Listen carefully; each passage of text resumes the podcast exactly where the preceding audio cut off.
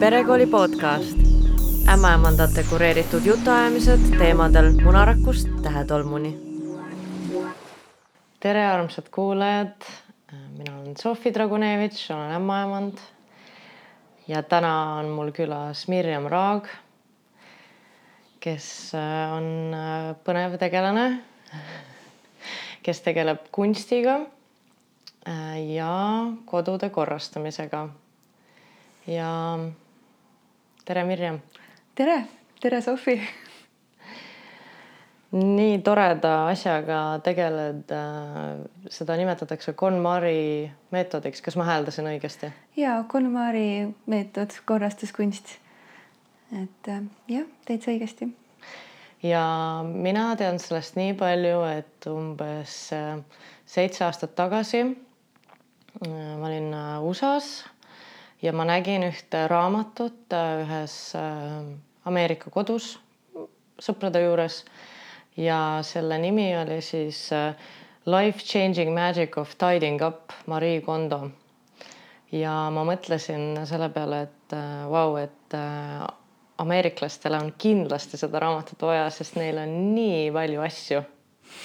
Sest yeah Äh, on kindlasti kõik teavad, et USA-s on kurikuulsad need garaažseilid ja lihtsalt seal on ääretult palju ruumi ja asju ja siis selliseid asju, mida ma ei tea, mida need inimesed sellega teevad. ja see oli nagu esimene kuulmine, siis ma nägin, et Netflixis ilmus äh, sari. jaa ja mingi hetk ma kuulsin, et, et sina tegeled sellise asjaga ja ma ei teadnud, et keegi Eestis tegeleb, et et, et kas sa räägiksid meile, kuidas sa selleni jõudsid? jaa, et kuidas ma KonMarini jõudsin. no ma olen tegelenud igasuguste erinevate asjadega ennem ja kõige rohkem olen olnud kunstnik, maalinud, teinud selliseid hingestatud päästavaid maale ja pilte ja seda ma teen siiamaani niimoodi kõrvalt, et see ei ole mul põhitöö, aga see on midagi, mida ma väga armastan ja olen eluaeg teinud. ja mulle meeldib äh, maailma tunnetada niimoodi sügavamal tasandil kui lihtsalt see, mida me pinnapealselt näeme. ja seda ma olen teinud läbi oma kunsti. ja samamoodi tegelikult see KonMari läheb ka hästi sügavale. Mm, kuidas ma selle, selleni jõudsin, et äh, olen ka olnud sellel teekonnal, et katsetanud ja otsinud erinevaid äh, tehnikaid, kuidas oma elu natukene mugavamaks ja mõnusamaks teha. kasvõi siis äh, jooga või erinevad meditatsioonid ja sa samas mulle on alati meeldinud väga ilusad ja korras kodud. ja ma tundsin pidevalt ennast hädas sellega, et äh, ma koristan ja koristan ja kogu aeg sätin asju, aga ikkagi kodu on kogu aeg korrast ära ja see oli selline igavene ratas, kus niimoodi nagu hamsterrattas ringi joosta. ja ma isegi ei mäleta, kus ma seda raamatut esimest korda nägin, ausalt öeldes. ma praegu hakkasin mõtlema selle sinu jutu peale. aga kuidagi see minuni jõudis ja siis ma lugesin ka selle Maria Kondo raamatu läbi. ja esimene kord oli vist äh, niimoodi, et ma lugesin selle läbi, aga ma ei teinud seda protsessi kodus läbi ja siis läksid mõned aastad mööda. Ja ma kuidagi, mulle kuidagi meenus see, ma olin elus äh, küllaltki keerulises perioodis sel ajal. Ja siis mul oli, oligi esimene laps oli sündinud, teine laps oli juba ka kõhus kasvamas. Ja hästi palju segadust oli minu, minu elus ja minu ümber ja isiklikus elus. Ja ma tundsin hästi suurt vajadust, et teha mingisugune selline samm ja muutus, mis aitaks kuidagi sellest läbi minna ja transformeerida seda, kogu seda kaost ja siis ma otsustasin lihtsalt hakata selle raamatu järgi tegema oma kodus suurpuhastust ja korrastust. kas see raamat on äh, selline manual uh,? seda võib võtta manuaalina küll, seal on uh, need sammud kõik välja toodud, et mida peab tegema selleks, et see transformatsioon oma kodus läbi viia, et põhimõtteliselt selle ühe raamatu lugedes võib igaüks ise kodus teha seda ja seal on lisaks ka natuke laiemalt räägitud sellest, et mida see kõik tähendab ja miks seda kõike teha. et nii ja naa, et manuaal võib ka öelda, ma usun. nii lugesid raamatu läbi ja hakkasid toimetama, mis sai edasi? ja mina võtsin siis selle äh, lähenemise, et võimalikult kiiresti teha otsast lõpuni see protsess läbi, et siis kõik oma mainevara läbi käia. võib-olla oleks siis hea, kui ma ütlen ka praegu kohe, et mis see siis endast üldse kujutab. absoluutselt, jah. et äh, põhimõtteliselt on hästi lihtsustatult öeldes äh, niimoodi, et äh, kõik, kõik sinu omanduses olevad asjad jaotatakse kategooriateks. see on siis riided, raamatud, paberid, komono ehk erinev pudi-padi ja kõikvõimalikud asjad, mis nende muude kategooriate alla ei mahu ja siis lõpuks sentimentaalsed esemed. ja sa hakkad niimoodi otsast peale, et alguses võtad kõik oma riided kapist, kõikidest kappidest välja igalt poolt ja hakkad neid läbi sorteerima ja siis need ülejäänud kategooriad tulevad hiljem. ja keskendud sellele, et ähm, mis sulle kõige rohkem rõõmu toob ja sinus sellise hea tunde tekitab. see on selline tuum, et sa ei mõtle nagu lihtsalt praktiliselt seda läbi, et mida mul võiks vaja minna ja mida mitte. see on ka oluline osa, aga põhiline on see emotsioon ja tunne seal taga. et äh, kodu oleks täis siis asju, mis äh,, mis sind toetavad ja sinus hea tunde tekitavad. ja need äh, esemed, mis siis tekitavad sellise kehva tunne, tekitavad näiteks stressi, ärevust, ebamugavust või mis iganes tundeid, mis ei ole nii meeldivad, siis need asjad, nendest võiks loobuda ideaalis. ja esmalt siis käidki kõik need kategooriad niimoodi läbi täpselt sellesama mm, põhimõtte järgi ja siis kõik alles jäänud asjad, need saab siis äh, teatud tehnikate järgi ilusti pärast ära organiseerida ja sättida niimoodi, et oleks hästi praktiline ja mugav ja lihtne koristada. et see niimoodi hästi lihtsustatult öeldes. Ja et kas põhimõtteliselt tõstad selle riideeseme enda ette ja küsid, et kas see toob mulle rõõmu? peaaegu, et sa võtad selle riideeseme oma kätte või siis mõne muu eseme ja sa hoiad seda oma käes. ja siis tunnetad. küsid valju häälega või enda sees, et kas see toob mulle rõõmu ja siis jälgid, et mis tunde see tekitab. ja see võib olla mõne inimese jaoks väga lihtne aru saada ja teise inimese jaoks võib olla ka väljakutsuv, et üldse aru saada, et mis tunnet see minus tegelikult tekitab. sest et kõik ei ole harjunud niimoodi tunnetama elu sellisel tasandil. see ei ole alati nii levinud olla oma kehaga ja tunnetusega kontaktis. ja see on väga hea ähm, viis selle harjutamiseks teha see KonMari teekond läbi, et tõesti, mida mida näiteks ka mingisugune olukord või töö või inimsuhe minus tekitab tegelikult, et läbi selle asjadega harjutamise, see annab sulle selle tugevama intuitsiooni ka mujal. aga kui ma muudan hiljem meelt? mis mõttes? et näiteks ma noh, nii-öelda kannan mingid riided maha, nii-öelda annan nad ära, müün maha, mis iganes, aga poole aasta pärast mul tuleb meelde, et oleks ikkagi võinud jätta ja no see on küllaltki levinud küsimus tegelikult. kindlasti inimesed hakkavad seda kartma jah um, enamasti on niimoodi, et inimesed ei hakka seda taga igatsema, see hirm on suurem, tavaliselt on nii, et kui sa tõesti tunned, et see ese ei tekita minus nii suurt rõõmu ja annad selle ära ja sa ei näe seda oma silma all, siis unustad selle lihtsalt ära. ja üksikutel juhtudel, kui tõesti sa hakkad midagi väga taga igatsema, siis see on nagu selline hea õppetunni koht, et ikkagi lasid lahti sellest asjast ja võib-olla otsid midagi sarnast tasemele. aga suures plaanis noh, suures enamuses seda ei juhtu. et äh, see on selline rohkem nagu selline hirm, mis tekib. mul ühel sõbrannal oli üks huvitav meetod, et ta pani oma garderoobi kõik äh, riided nagu riidepuud nii-öelda tagurpidi et ebamugav oleks võtta. Ja kui ta ei ole olnud neid äh, kuue kuu jooksul nagu ümber keeranud, nii-öelda kandnud neid, siis ta viis nad äh, ära. no igasuguseid selliseid toredaid meetodeid on olemas ja need võivad toimida ja mõnikord võib-olla ei toimi, arvestades ka näiteks seda, et meil on hooajad ja võib-olla ma ei kanna oma talveriideid pool aastaid onju või siis ka näiteks KonMari arvestab ka väga seda, et kui sul on näiteks selline pallikleit, mida sa väga armastad ja kannad võib-olla kaks korda elus see ei tähenda, et sa pead sellest loobuma, kui sulle väga meeldib, sa võid selle näiteks riputada oma garderoobis ilusale kohale ja vaatad seda lihtsalt ja see teeb sulle rõõmu nagu sisustuselemendina. seal on nagu palju nüansse, mida vaadata, et see ei ole lihtsalt see praktiline, et ma nüüd ei ole seda selga pannud, siis pean ära andma ja siis süda tilgub verd, et kus see ilus kleit pidi minema näiteks. ja kust äh, see Marie Kondo üldse pärit on ja see meetod? Jaapanist on Marie Kondo pärit, aga ta nüüd praegu küll elab vist juba pikemat aega USA-s minu teada. aga Jaapanist jah. Jaapan on ju väga selline organiseeritud ja stiilne kultuur. muidugi ei ole kahjuks käinud, aga kõik, mis ma olen nagu tajunud ja näinud, sihuke väga stiilne. et kas, kas sulle tundub, et selline organiseerituse meetod sobib äh, lääne ühiskonda kõikidele? ja see on päris tore küsimus.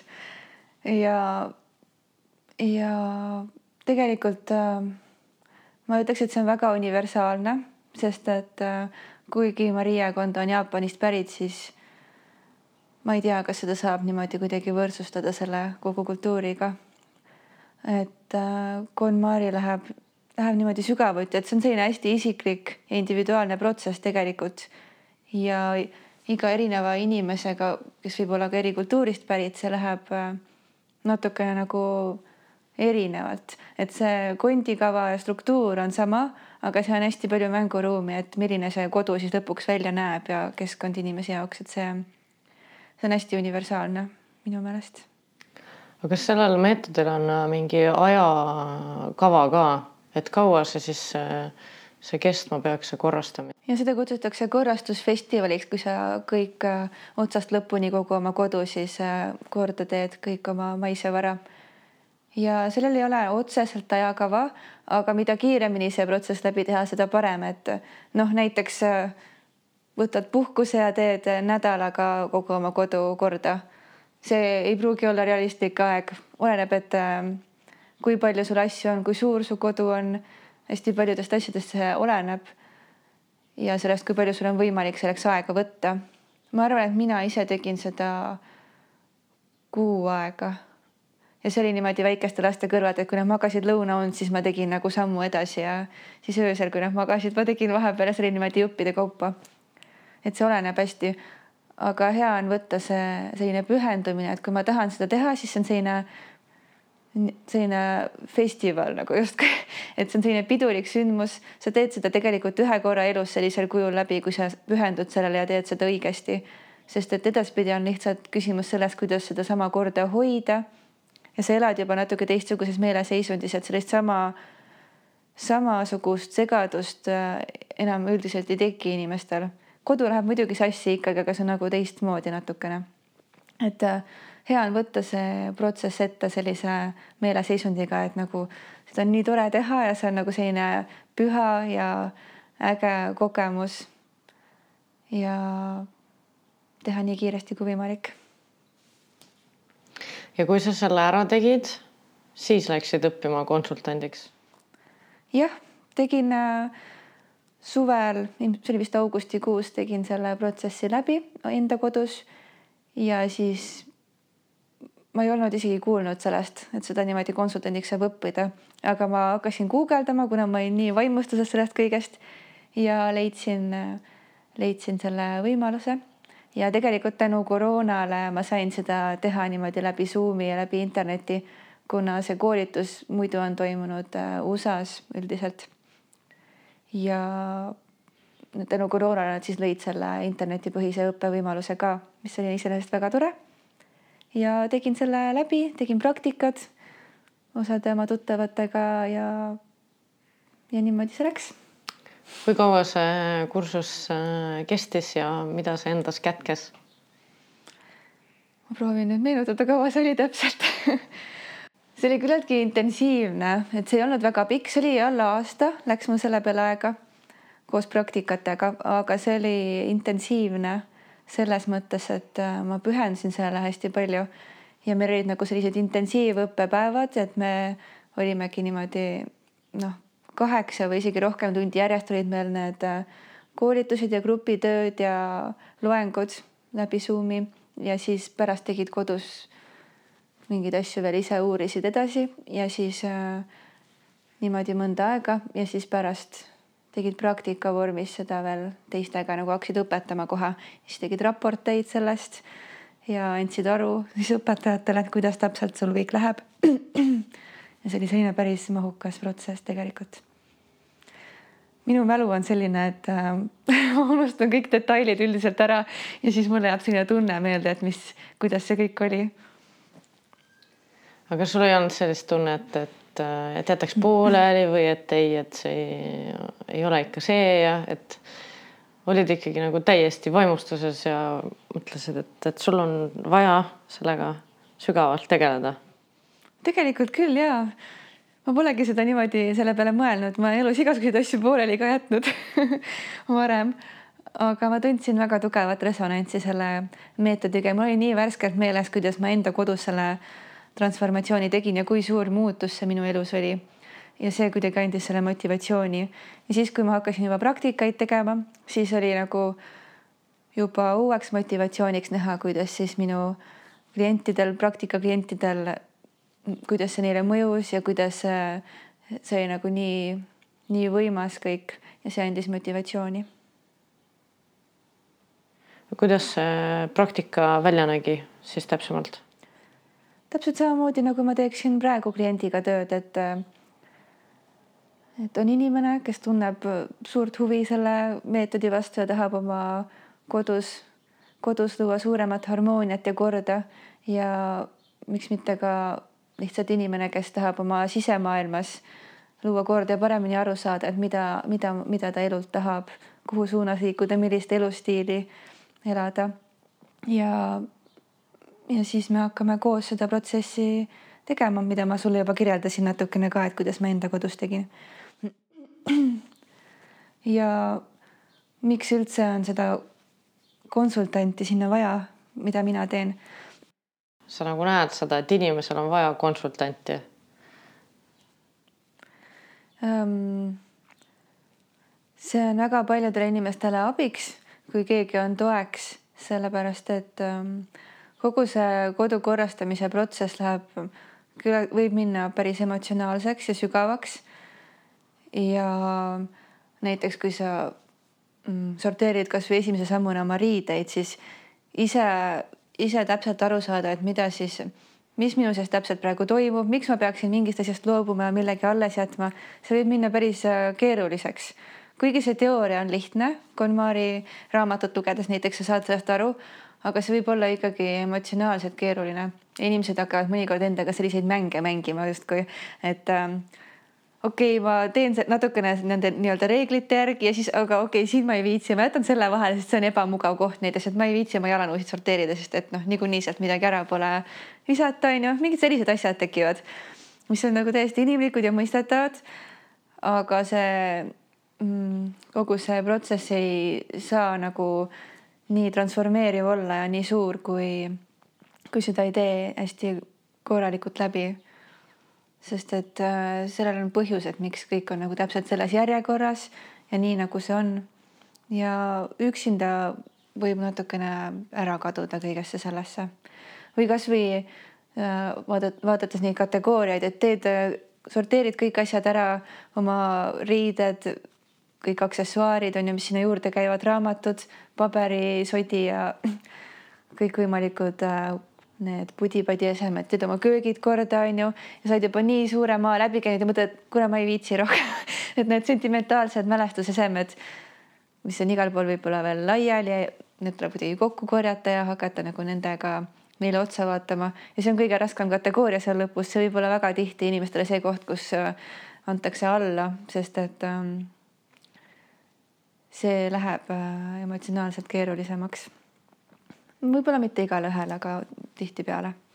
aga ilmselt no mulle tundub, et see on jäetud meelega viimaseks, et kui inimene on nagu seda protsessi niimoodi süstemaatiliselt äh, läbi käinud, siis ikkagi tekib mingi sihuke lahtilaskmise nagu äh, noh, võime, parem lahtilaskmise võime sees on ju, et mm -hmm. muidu kui alustaksid kohe sentimentaalsetest esemetest, no oleks nagu ei, aga. ja sa oled täpselt väga õigesti sellele pihta saanud, et seal ongi ähm, kõik need kategooriad niimoodi, niimoodi järjekorda pandud, et algab nii-öelda kõige lihtsamast ja liigub siis järjest raskemaks. et riiete sorteerimine üldiselt on kõige jõukohasem. et eriti juba kuna riided on su keha vastas pidevalt, nad on su lähedal, sa tunnetad neid kuidagi natukene paremini kui võib-olla mingit, ma ei tea, köögikulpi või, või siis äh, mingisugust äh, vanaema reliikviat et see läheb jah keerulisemaks. Ja tihtipeale, kui inimesed üksinda teevad, ma ei tea, kas KonMari järgi või niisama oma kodu korrastamist mingi muu meetodi järgi või lihtsalt iseenda tunnetuse järgi, siis äh, tehaksegi see viga näiteks, et ähm, no ütleme nii, et ma võtan näiteks riidekappi ja teen selle korda. Või siis teen oma köögi korda või teen siin selle ühe sahtli korda.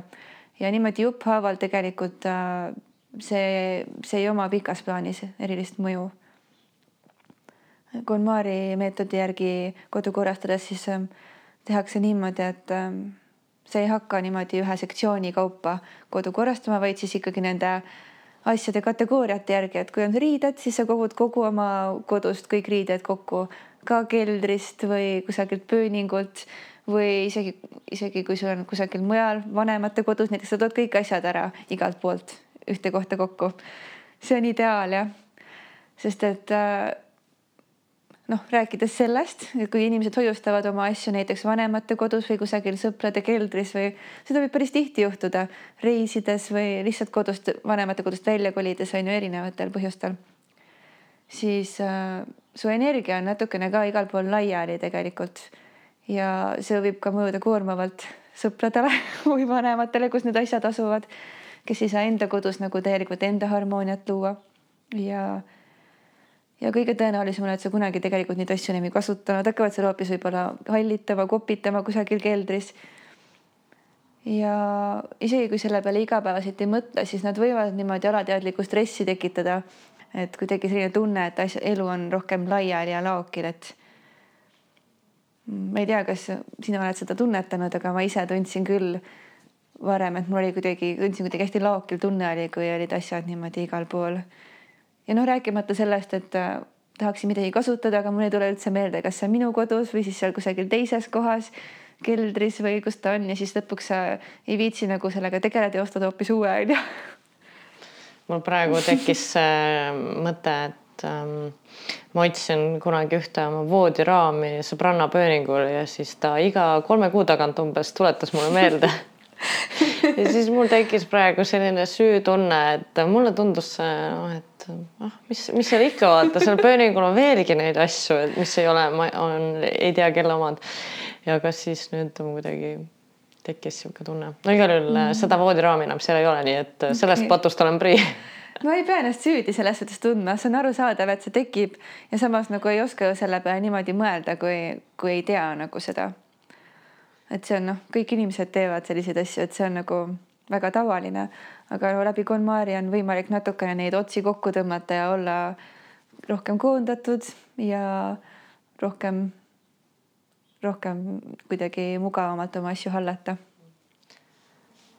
ja mõtlesin ka nende vintage kleitide peale, mis mul seal emakapis ripuvad ja. aga ma tahtsin küsida su käest, et äh, kas olid ka sellised ähm, esemed, mis äh, olid nii üllatavad sinu jaoks, et millest sa võisid loobuda või et millest sa loobusid hmm.? kas miski tuli üllatusena? jaa ma praegu mõtlen, selliseid asju oli päris palju. Mm, esimene, mis mulle pähe tuli, oli mälestusesemete kategooriast, et mul oli selline, selline kaltsunukk lapsepõlvest, mis mu ema mulle kunagi õmbles. ja noh, see oli kunagi mulle väga oluline ese. ja ma arvasin, et see on üks asi, mis ma kindlasti alles hoian. aga kuidagi kui ma olin selle, selleni jõudnud läbi kogu selle protsessi ja kõik muud asjad juba ära sorteerinud, siis ma tundsin nii suurt vajadust sellest lahti lasta ja see oli tegelikult päris keeruline. Aga millegipärast ma tundsin, et äh, kuidagi on vaja sellest loobuda, mul on neid mälestusesemeid, igasuguseid teisi ka, et see polnud ainukene asi, onju. et see oli selline üllatav koht. Ja siis ma kasutasin sellist äh, tehnikat, mida mõnikord võib ka teha, et äh, kui on väga raske asjast loobuda, siis sa võid sellest foto teha ja jätad selle foto endale alles.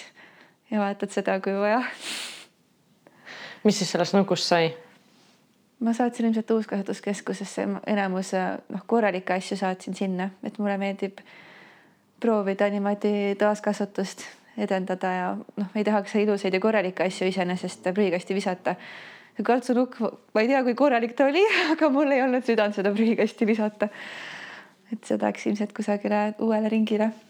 kas KonMari meetod annab juhendeid ka, et mida siis nende asjadega teha?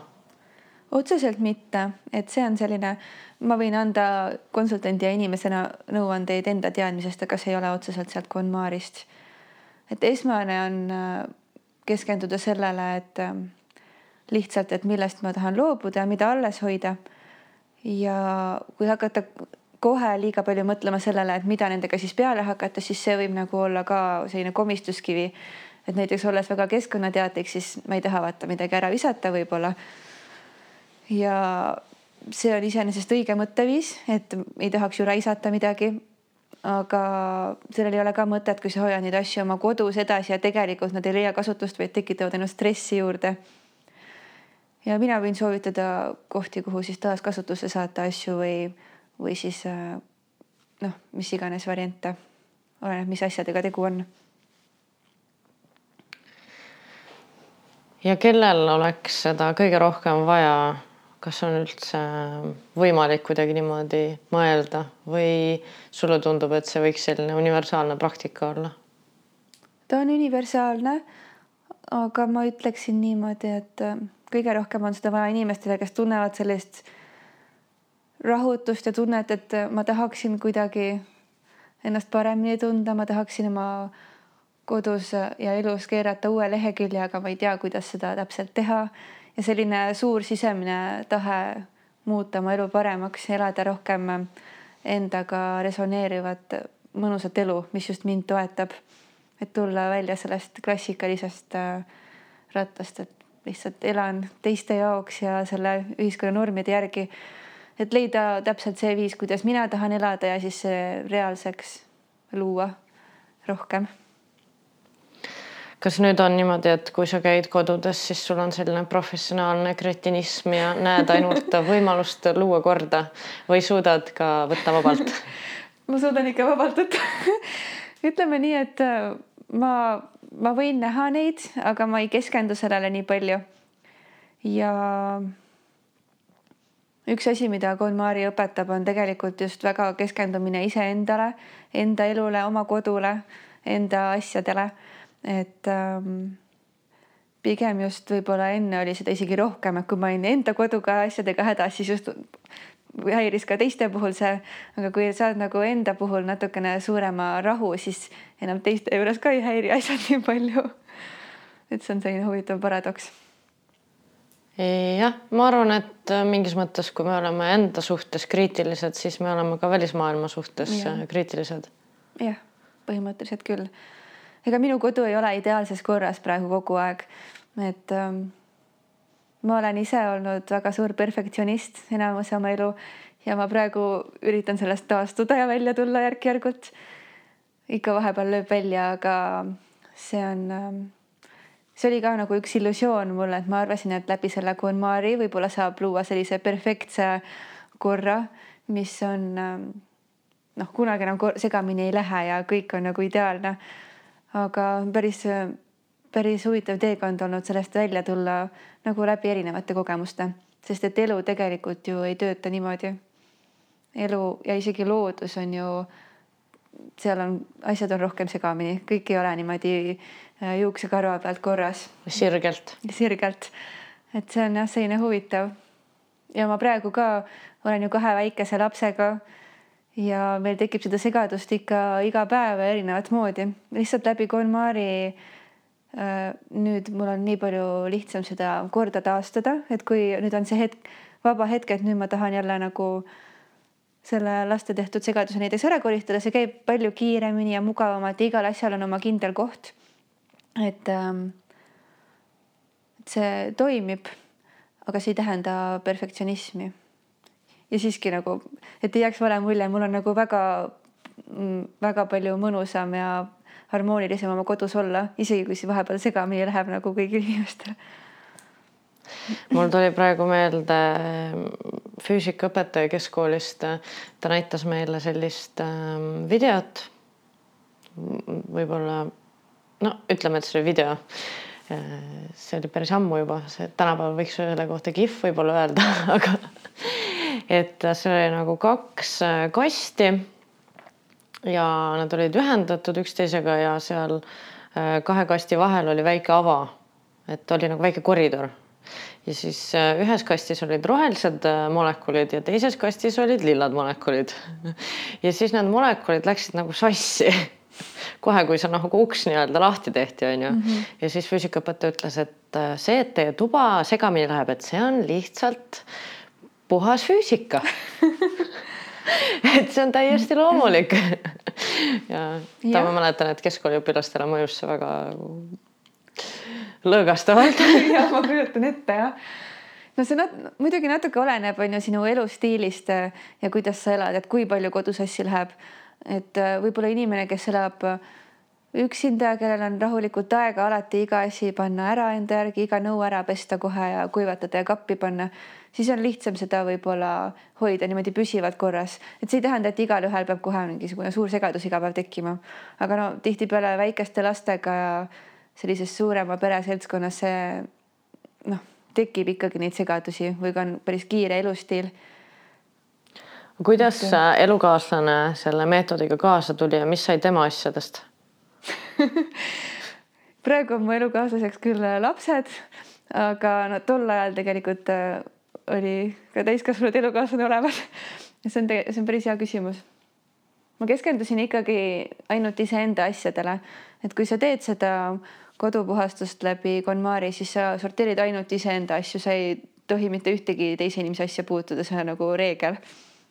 ja läbi selle sa õpid tegelikult seda, et kuidas vähem huvituda sellest, et kuidas su partner oma asju hoiab mm, et ma keskendusin hästi palju enda asjadele ja no me tegime seda, et me lõime rohkem nagu eraldatust, et ei olnud segamini asjad omavahel, et näiteks ühed riided on ühel pool kapis, teised riided teisel pool kapis. et ei ole nagu omavahel puntras, et oli nagu see piiride seadmine oli näiteks üks asi. ma no kuna mina olin see inimene, kes pesi pesu ja pani neid kappi pärast, siis ma võttisin tema riideid ka samamoodi ilusti kappi nagu enda omasid ja näitasin talle ka, kuidas seda teha. väga tihti see mõjub inspireerivalt äh, elukaaslastele. et äh, see, kui, kui olla, olla niimoodi närviline ja et kõik häirib, mida sa teed, on ju, see võib mõjuda just niimoodi, et ma ei taha nagu koristada, ma ei taha midagi kuulda sellest. aga kui tõmmata see tähelepanu endale ja kõik teha nagu nii ilusti korda, siis see võib tekitada väga suurt uudishimu, et nagu tahaks ise ka nagu kogeda seda kuidas asjad ei kao enam ära ja kõik on palju mõnusamas korras. See on väga hea mõte tegelikult, sest ma olen kõrvalt küll näinud, et see ja ise kogenud, et see teise inimese poolt loodud selline harmoonia mõjub nagu harmooniliselt mm. -hmm. mitte see, et äh, jälle on need sokid kuskil või et jälle on koristamata või et äh, no kõik mhm. teavad, et see, see ei mõju hästi, aga ja. ei teadvusta ma ei promo muidugi siin seda, et peaks tolereerima, kui elukaaslane jätab igale poole mustad riided laiali ja et selles suhtes, kui see sulle toimib, siis küll, aga noh, ei pea nagu elama ka nii, et nagu endal halb on kogu aeg, et siis tuleb nagu sügavuti rääkida neil teemadel ja leida nagu kuidagi viis, et oleks koos hea elada, ma usun. aga noh, üldises plaanis, et äh, et ma arvan, et see vist mõte jõudis kohale. aga lapsed äh,. kuulsad mm., äh, kuulsad segaduse tekitajad. et mis hetkel või kuidas äh, lapsi saab inspireerida, kas lastele saaks seda meetodit juba väiksest peale õpetada? ja tegelikult saab küll. Maria Kondo ütles, et alates kolmandast eluaastast tegelikult saab lastele päris edukalt õpetada seda, aga isegi varem juba saab neid kaasata tegelikult. kuidas siis kaasata väikeseid inimesi? Mm, esiteks kõige lihtsam on see, et, et äh, alustame riietest, siis lasta riided panna niimoodi kummutisse sellisele kõrgusele, et nad ise saavad neid sealt äh, kätte ja võib ka seda teha, et siis näiteks peale pesemist koos lastega neid voltida ja panna sinna sahtlisse ära ja nad ise teavad, kus nende asjad on, saavad ise võtta, kui tahavad ja tagasi proovida panna. muidugi nad kohe seal kolmeaastaselt ei voldi sul neid ilusti niimoodi sinna sahtlisse, aga saab lihtsalt koos seda teha. ja siis see harjub sisse juba rohkem, et, et kuidas seda võiks teha. minu vanem äh, poeg iseenesest on vahepeal küll on väga huvitatud tulnud nagu öelnud, et ta tahab minuga koos neid riideid voltida ja nagu proovida. ja siis see on nagu jälle üle läinud, siis jälle ei huvita vahepeal. aga iseenesest lihtsalt teha lastega koos, näidata, mitte midagi survestada, aga lihtsalt äh, äh lasta neil teha koos. ja siis mänguasjadega on väga hea, kui luua selline lihtne kord, et äh, teha lastetoas ka selline kategooriate järgi süsteem, et näiteks kõik autod on mingis ühes mänguasja kastis või korvis. Legod on teises, et on selline hästi lihtne süsteem, mille järgi lapsed ise saavad ka asju võtta ja tagasi panna sinna. Ja siis teha kõike koos ikkagi, et äh, ei tasu eeldada, et kolmeaastane mängib ja siis üksinda pärast koristab toa ära, vaid äh, oluline on ikkagi see, et äh, koristame koos näiteks õhtul enne magamist asjad ära, nagu meie teeme üldiselt ja siis no neil tuleb see juba väga hästi välja kahe ja nelja-aastasel. et äh, ma võtan nagu selle kasti, ütleme, et paneme kõik legod siia sisse. väga hästi saavad hakkama sellega, et võtavad legod sinna, siis rongid ja jopid paneme teise kasti ja koos paneme ära need. ja niimoodi saab täitsa ilusti korras hoida lastetuba ka. no hommikul võib-olla nad kallavad need kõik kastid uuesti põrandale, aga siis paneme jälle pärast tagasi osaliselt vastasidki mu küsimusele, et milliseid nippe oleks äh, lapsevanematele. Ja need on juba nagu nipid, on ju. Mm.. et kas sul on veel äh, mõningaid nippe värsketele vanematele? no kõige ideaalsem oleks, kui enne lapse või laste sündi saaks äh, selle korrastusfestivali oma kodus ära teha siis on peale lapse sündi kogu selles äh, suures elumuutuses ja kaoses lihtsam seda korda hoida ja kõike hallata, mis kodus on. sest fakt on see, et äh, lapse ja laste saamine on väga-väga suur elumuutus ja uus etapp ja see toob endaga kaasa igasuguseid uusi väljakutseid, mille peale isegi ei oska mõelda. ideaalne on, kui võimalikult vähe peaks sellel ajal oma kodu korras hoidmise peale mõtlema. ja ja noh, muidugi alati niimoodi ideaalselt asjad ei lähe, siis võib ka lihtsalt äh, teha seda hiljem laste kõrvalt, nagu mina tegin, et kui on piisav suur motivatsioon, siis on see võimalik.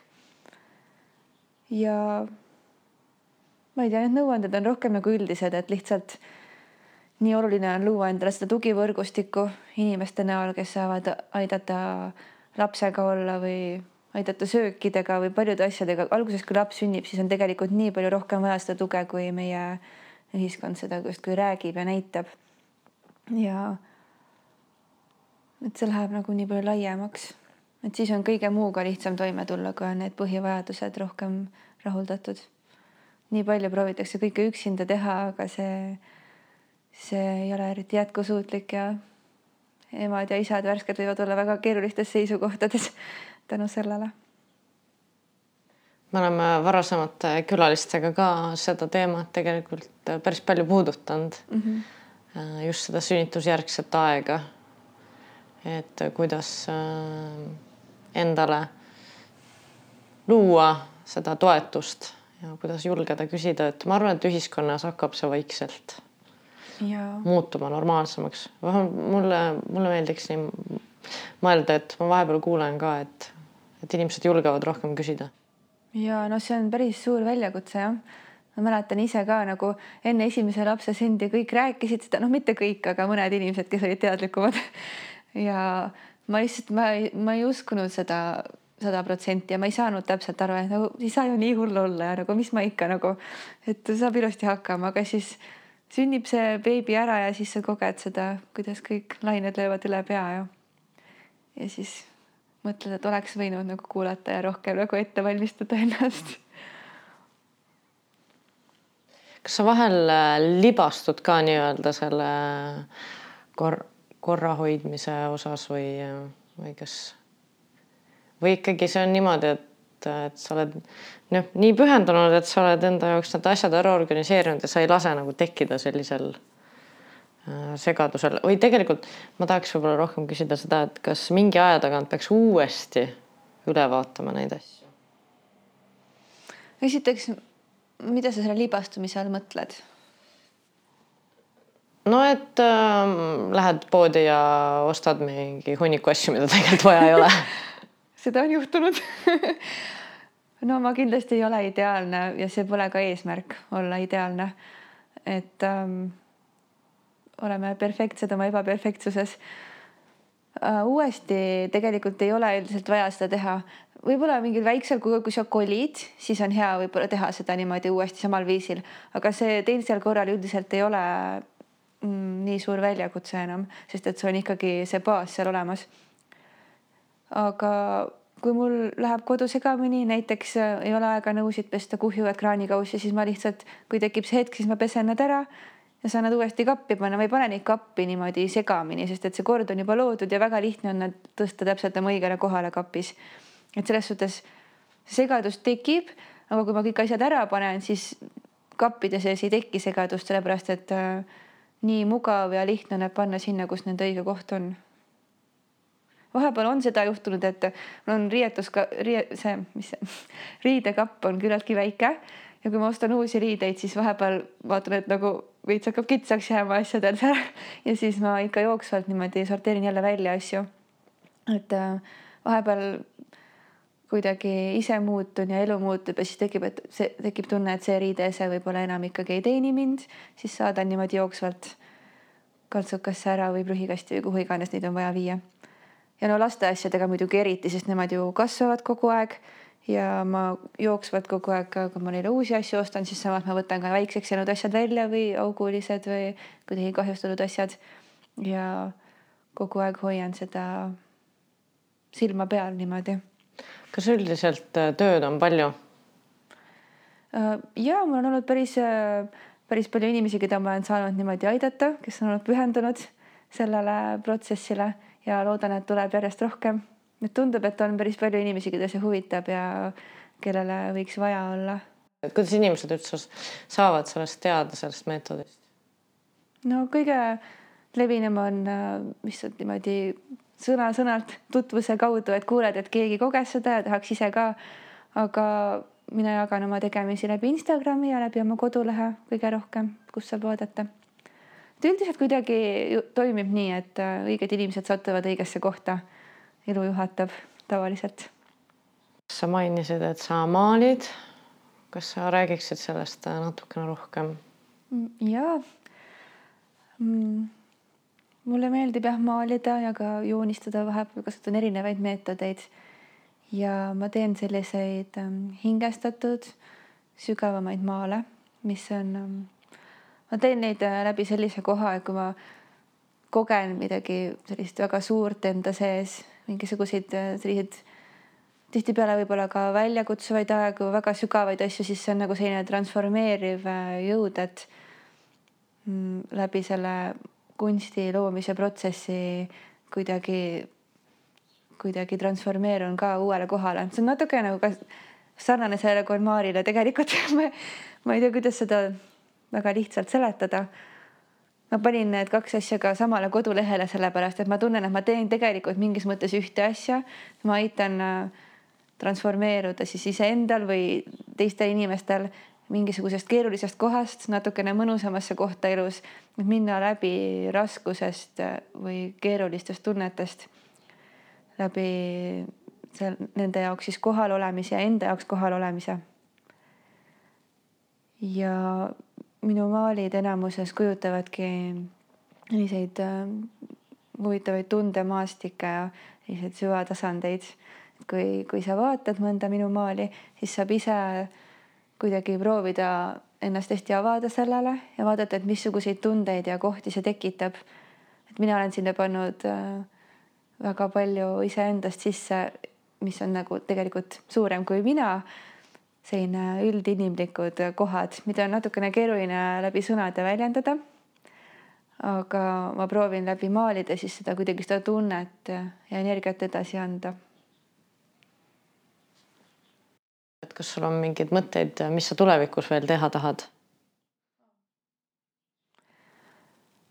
no esiteks ma praegu olen kuidagi hästi keskendunud sellele KonMarile ja siis oma maalidele ja ma tahan seda kindlasti jätkata ja edasi arendada, et mul on erinevaid mõtteid nendega seoses, mida ma praegu veel ei avalikusta, aga on hästi palju ideid, mida teha veel. mida siis saab tulevikus näha.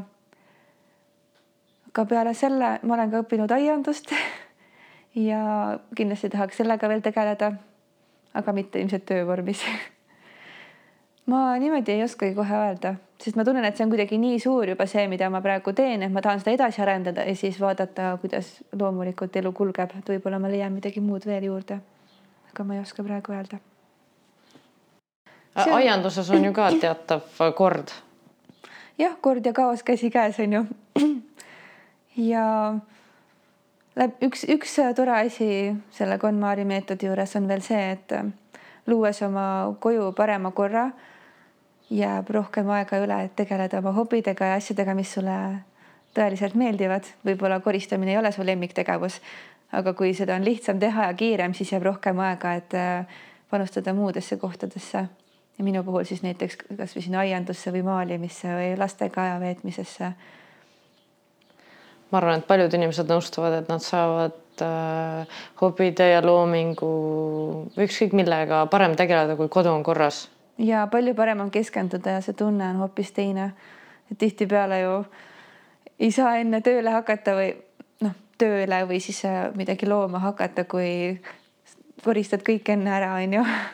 see on küllaltki levinud. see KonMari on selline nagu pragmaatiline, aga loominguline või kuidas sa ütleksid selle kohta, et seal on nagu kaks sellist äh, suurt asja nagu käsikäes. ja, ja see struktuur on hästi lihtne ja see on kuidagi kindel, mingisugused reeglid on ju, aga kui sa mm, need ära teed, siis kuidagi sealt avaneb see võimalus lasta nagu välja see enda individuaalne selline eriline koht. et kas see tuleb siis läbi mingi loomingu või või läbi selle, et lihtsalt äh, saad aru, mis sinu jaoks rohkem oluline elus on ja kuhu rohkem tähelepanu pöörata. ja ja noh, läbi selle tuleb ka see loomingulisus välja, et iga kodu saab veel rohkem selle elanike näo endale. et ähm, seda on väga huvitav vaadata, kuidas kõik on nii erinevad, need kodud. see on hästi ilus minu meelest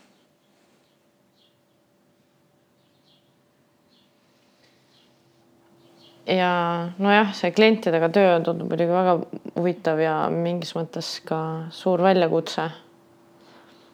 et aga noh, kui inimestel on suur soov mingit muutust äh, luua, siis nad on rohkem vist altid tegema, et et ma kujutan ette, et see KonMari konsultatsioon võib-olla ei ole selline asi, mida kinkida sõbrale sünnipäevaks, et seda võib-olla inimesed äh, peaksid ise endale kinkima. ja see on päris hea tähelepanek et ma ütleks, et see ei ole väljakutse see töö klientidega, aga just sel juhul, kui inimesed ise valivad, et nüüd mina tahan seda teha ja ma pühendun sellele ja ma, mulle meeldib seda teha ja see on nagu selline äge asi. et äh, mina isiklikult ei, ei võtaks vastu kliente, kes tegelikult sada protsenti seda teha ei taha, sest sellel ei ole niimoodi erilist mõtet, see on siis rohkem nagu raha raiskamine et äh, kui, kui kliendiks on inimene, kes tunneb, et ja see on nagu nii inspireeriv ja äge ja ma tahaksin kogeda seda muutust ja ma tõesti tahaksin teha neid samme, et oma elu mõnusamaks ja paremaks muuta. ja inimene, kes on ka valmis nagu minema nendest ebamugavatest kohtadest läbi, mis võivad tekkida vahepeal, sest et selline kasvamise protsess võib olla ebamugav ja sel juhul see ei ole tegelikult üldse keeruline minu jaoks töö kliendiga, see on pigem just selline hästi inspireeriv mulle endale ka ja hästi väestav. kas sa oled pidanud kellelegi ära ka ütlema? ei ole veel seni olnud seda no ma arvan, et kui inimene ikka ise tuleb sooviga, siis tavaliselt äh,, tavaliselt tal on see motivatsioon olemas, muidu niimoodi ei tuleks võib-olla. ma tahtsin veel seda küsida, et kas seda koolitust või kursust viis äh, läbi Marie Kondo ise äh,? Seda, kus mina osalesin, ei viinud ise, et varem ta on teinud neid ise ka, aga praeguseks ta on rohkem pühendunud oma pereelule ja lastele ja ta ise väga palju enam koolitusi ei tee. tema siis on välja koolitanud teised äh, eksperdid, kes siis annavad seda edasi. kas see oleks siis, äh, kas sul oleks ka siis võimalik teha seda nii-öelda eksperti koolitust, et saaksid ise inimesi koolitada, et potentsiaal on olemas? Mm, praegusel hetkel mitte ma peaksin selleks siis võib-olla tegema mingeid programme veel seal läbi. ma tegelikult ei tea täpselt, kuidas see, kuna see pole mind hetkel huvitanud, siis ma täpselt ei uurinud seda.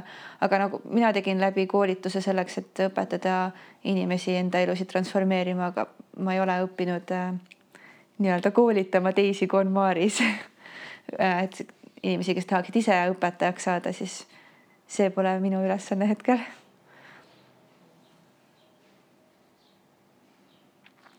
kas on veel midagi selle meetodi kohta, mis, äh, mida, mida sa tahaksid jagada, et millest, millest siis võiks äh, inimene, kes tunneb selle meetodi vastu huvi, alustada? raamatust ilmselt? tegelikult ei pea raamatust alustama. Üks võimalus on lihtsalt kui juba on sees näiteks peale seda podcast'i kuulamist selline inspireeriv tunne ja soov kuidagi sellele teekonnale minna, siis piisab lihtsalt sellest, kui, kui ähm, minuga ühendust võtta või siis, kui sa tahad raamatu järgi teha ise seda kodus, siis lugeda raamatut, on ju. aga enne minu juurde tulemist ei pea nagu raamatut lugema, see ei ole kindlasti vajalik.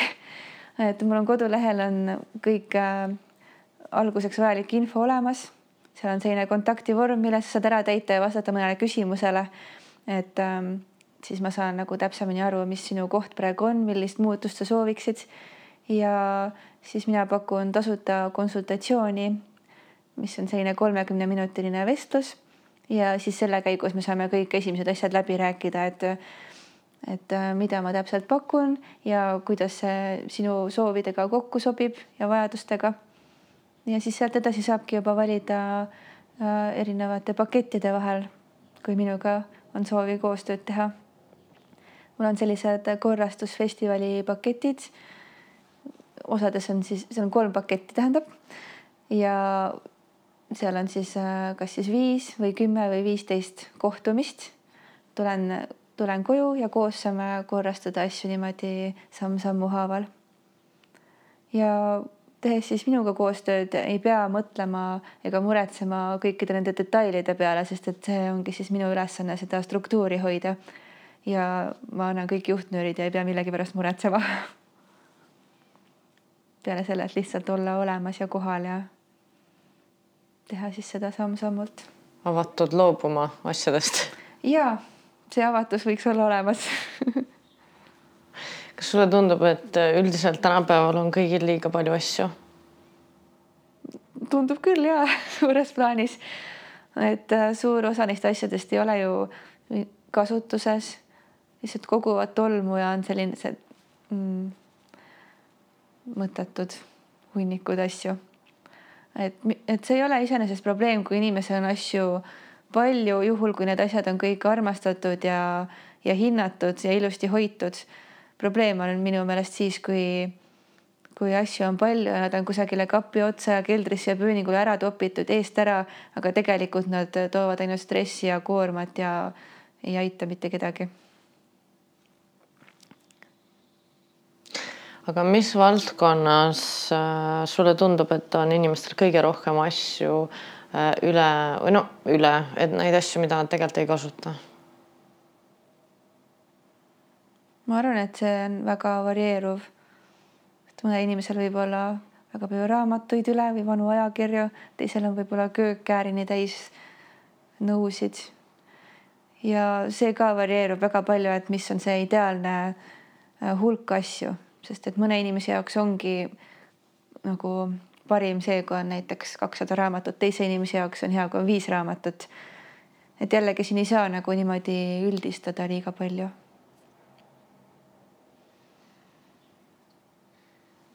jah. eks tänapäeval on minimalism ka muidugi levima hakanud ja inimesed on kuidagi noh, mõned inimesed ongi äh, selle kuidagi üle võtnud ja et on nagu on allergia asjade vastu ja no minimalism on iseenesest ju päris ilus, on ju, need minimalistlikud kodud näevad ägedad välja tihtipeale. ja mõne inimese jaoks see võib olla selline ideaalne koht. Ja võib-olla mm, mis mulle ei meeldi selle juures on see, kui paljud inimesed tunnevad nagu survet, et justkui mina peaksin ka nüüd olema minimalistlikum ja võib-olla see üldse ei sobi minule või sinule, on ju. et ähm, miski ei tohiks niimoodi muutuda selliseks kohustuseks ja surveks. et äh, hästi oluline on lihtsalt tunnetada, mis minu jaoks tegelikult oluline on.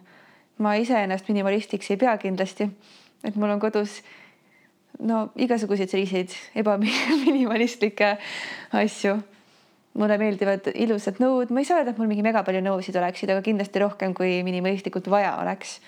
või, või siis kleidid, ma arvan, et kui mul oleks suurem riidekapp, siis mul oleks seal ka natuke rohkem kleite, aga praegu ma tunnen, et see piirab mind natuke, ma tahan, et nad kappi ära mahuksid.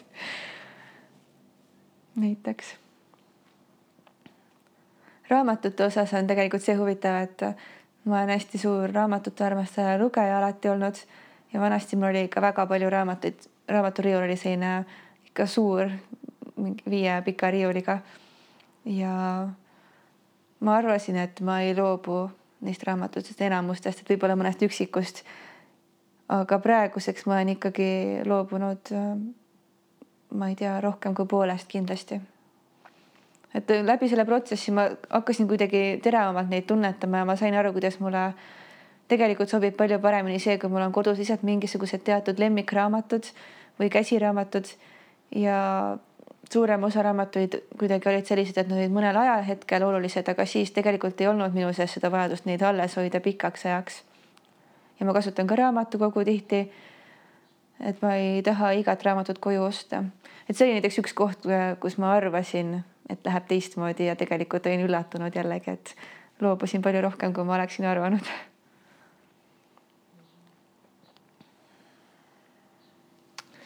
tore, no palju äh, selliseid ähm, taipamisi oli mul endal ka meie selle vestluse käigus, et äh, mul hakkasid kohe ka need kategooriad niimoodi peas nagu jooksma ja mõtlesin mingite erinevate kastikeste peale, mis mul seal mm -hmm. ema kodus on ja et kui raske on nendest olnud äh, loobuda, sellepärast ongi nad siiamaani alles, et et äh, ja kuidas, kui äh, keeruline tundub see, et kõik asjad ühte punkti kokku tuua. Mm. -hmm no see võib mõnikord olla selline väljakutse ka logistiliselt. Aga see on tehtav tegelikult, need lahendused on olemas, ma usun mm. -hmm. ja kindlasti kuidas see, et igal probleemil on lahendus jah, põhimõtteliselt küll jah. okei okay..